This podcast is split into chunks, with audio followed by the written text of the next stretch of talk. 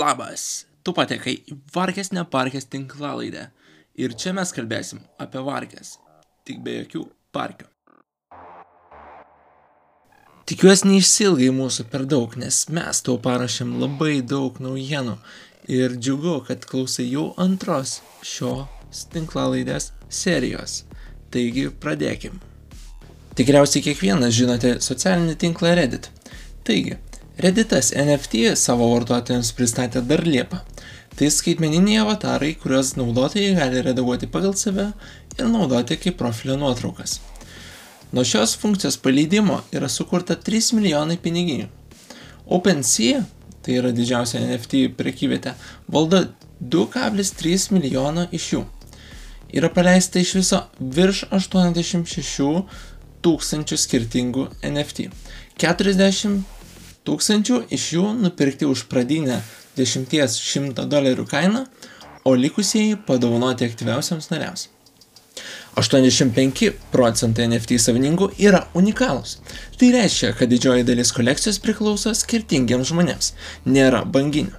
Šis rodiklis lenkia tokius populiarius NFT projektus kaip Bored Apes, tai yra 64 procentai, ir Doodles, 54 procentai. Pasiektas 100 milijonų dolerių market capas.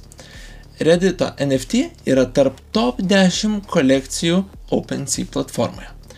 Brangiausi NFT dabar parsiduoda po 7 etyrimus. Tai yra maždaug 9500 dolerių. O jokingiausia yra tas, kad dar prieš šešis mėnesius Redditas buvo pilnas NFT kritikų ir heiterių.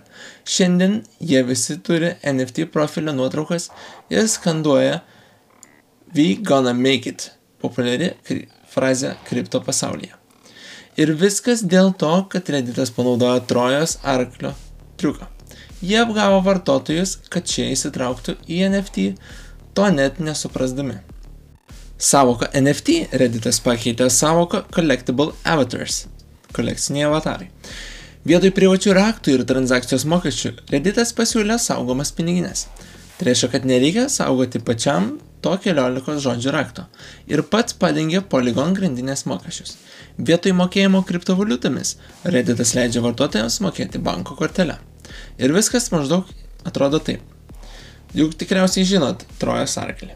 Trojos arklys, kuris yra Reddit avatars, privažiuoja prie pilies, kuria, kuri yra mainstreamas ir ant kurios stovi NFT hateriai. Ir Redditas įtraukia Trojos arklį pro vartus, o viduje slepiasi NFT.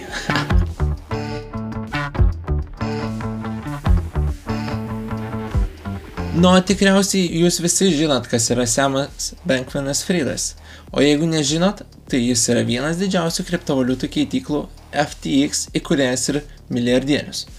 Kripto bendruomenėje jis yra laikomas herojų daugelį metų, bet dabar viskas verčiasi aukštinkojam ir Sam perina į tamsėją pusę. Ir štai yra dvi pagrindinės to priežastys. Pirma - kripto reguliacija. Praeitą savaitę Twitter'e jis paskelbė įrašą patraukusi visą dėmesį. Na, o jo apibendrinimas skamba maždaug taip. Reikia visus kenkėjus, nusikaltelius ir nesažiningus žmonės įtraukti į juodą į sąrašą ir neleisti nau, jiems naudoti skripto. Panašiai kaip JAV bando uždrausti Tornado Cash, kaip tai yra kaip oro linijose veikia neskraidimo zonos.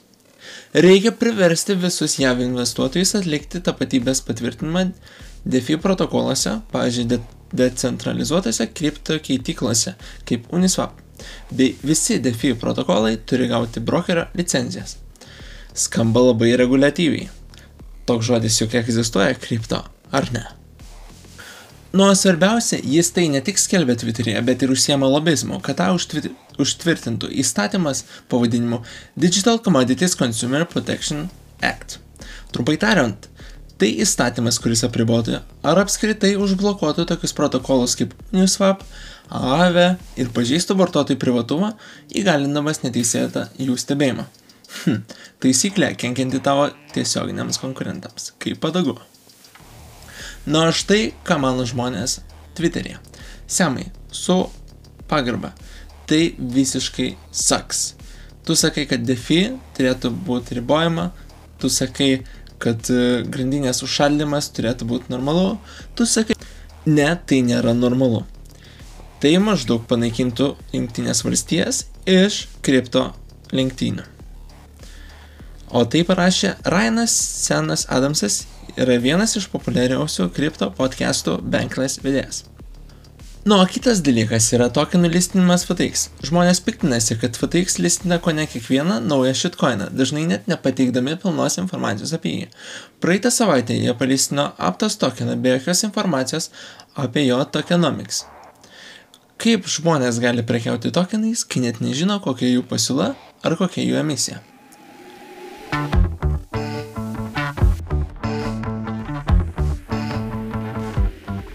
Banginiai per pastarį mėnesį užsipirko 4,5 milijardo vertės etyrimą. Jei turi vieną tyrimą, esi krevetė. 50, tu jau žuvis. 1000, tu banginis. Taip, kripto mytybos grandinės žargonas primena Discovery kanalą. Bet egzistuoja dar viena grupė - mėlyniai banginiai. Tai piniginės laikančios virš 1 milijono etyrimo. Tokių yra vos 132. Ir per pastarį mėnesį jos bendrai užsipirko papildomus 3,5 milijoną etyrimo, kurių vertė yra 4,5 milijardo. Kainos gal ir nukritusios, bet banginiai šias nuolaidas ryja kaip krilius.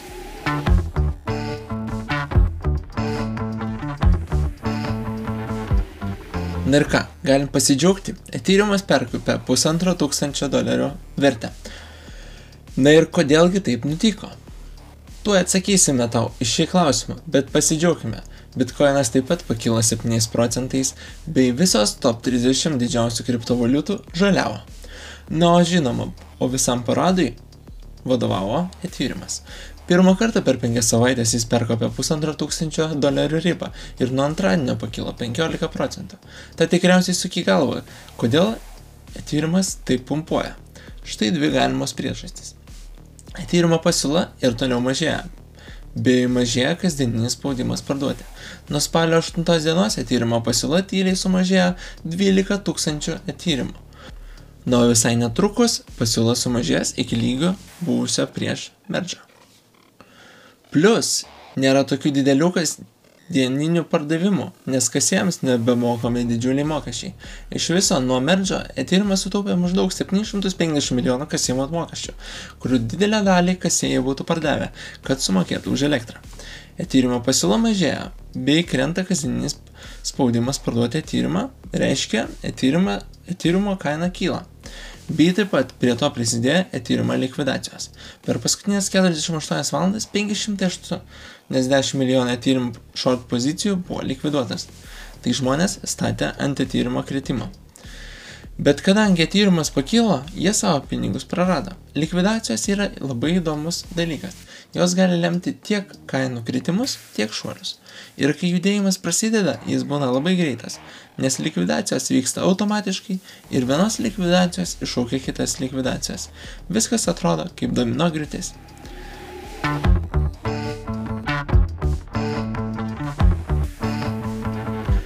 Bloomberg išleido 40 tūkstančių žodžių raportą apie kripto.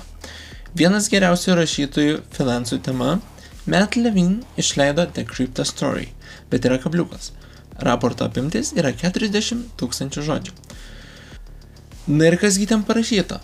Ogi, Modernus gyvenimas yra pastatytas ant daugybės duomenų bazių. Jei turi akcijų, tai tiesiog įrašas kažkokiam sąraše. Jei turi namą, tai nuosavybė įrašyta kažkokioje duomenų bazėje ar fiziniu būdu laikoma ant kažkokio archyvo spintelėje. Video žaidimai, programinė įranga ir net pinigai - visa tai yra duomenų bazės įrašai. Ir iš to kyla dvi problemos. Daug duomenų bazių yra pasenę. Dauguma sistemų yra parašyta sena COBOL programinė įranga. Duomenų bazės reikalauja pasitikėjimo. Turim visiškai pasitikėti žmonėmis, kompanijomis ar vyriausybėmis, kurios pilnai kontroliuoja duombazės. Tačiau puikiai žinom, kad ne visi yra patikimi. Antrasis dalykas, kas ten parašyta, tai yra, kad kripto ir blockchainas yra naujas būdas kaupti duomenų bazės. Decentralizacija, tai blockchain yra kontroliuojama pačių jos naudotojų.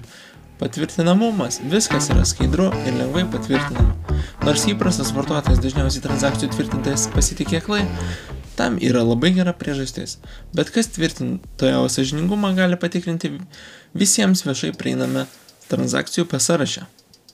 To negalim padaryti su banku, nes duomenys nėra viešai prieinami ir skaidrus.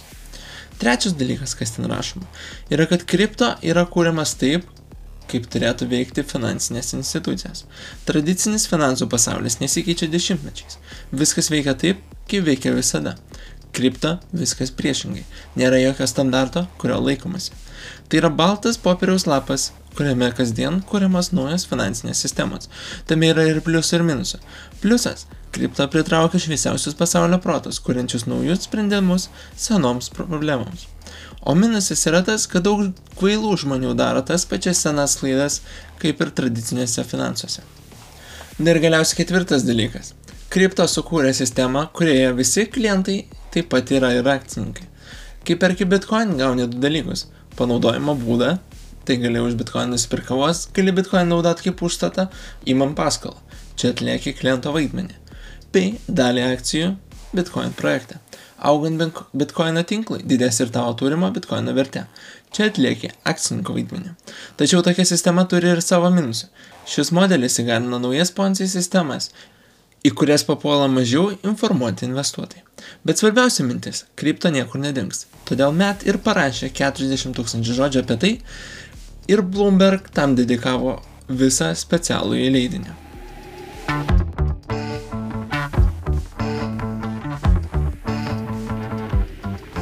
Klausėt, kas dar įvyko? Ogi, Twitteris dirba prie kripto piniginės kūrimo. Taip pat yra sučiuptas 23 metų bičias, kuris pavogė neišleistas Ed Sheeran, Lil Uzi Vert ir Post Malone dainas ir pardavęs jas už bitkoiną. Rishi Sunak tapo Junktinės karalystės premjeru ir jis myli kripto. Jis sieks, kad Junktinė karalystė taptų pasaulio kripto centru. Ačiū visiems, kurie išklausė iki galo. Tęsime šią veiklą ir kitose serijose tikriausiai susitiksime ne su manim vienu, bet sutiksime ir kitų balsų. Taip pat dėkoju meškoms už didžiąją dalį informacijos, bei taip pat noriu priminti, kad niekas iš šio podcast'o nėra finansinis patarimas. Podcastas yra skirtas mokomiesiams tiklams ir nėra investavimo patarimas ar skatinimas investuoti į bet kokias finansinės priemonės ar priimti bet kokius finansinius sprendimus. Būkite atsargus. Iki.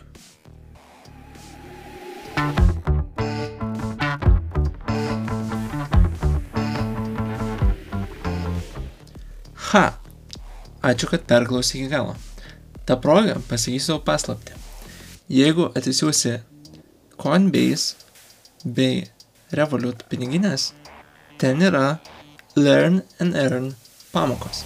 Jas įsprendęs apie kriptovaliutą gali užsidirbti 17 bei 14 eurų atitinkamai atsakęs į kripto pasaulio klausimus. Ir už ką. Čiau.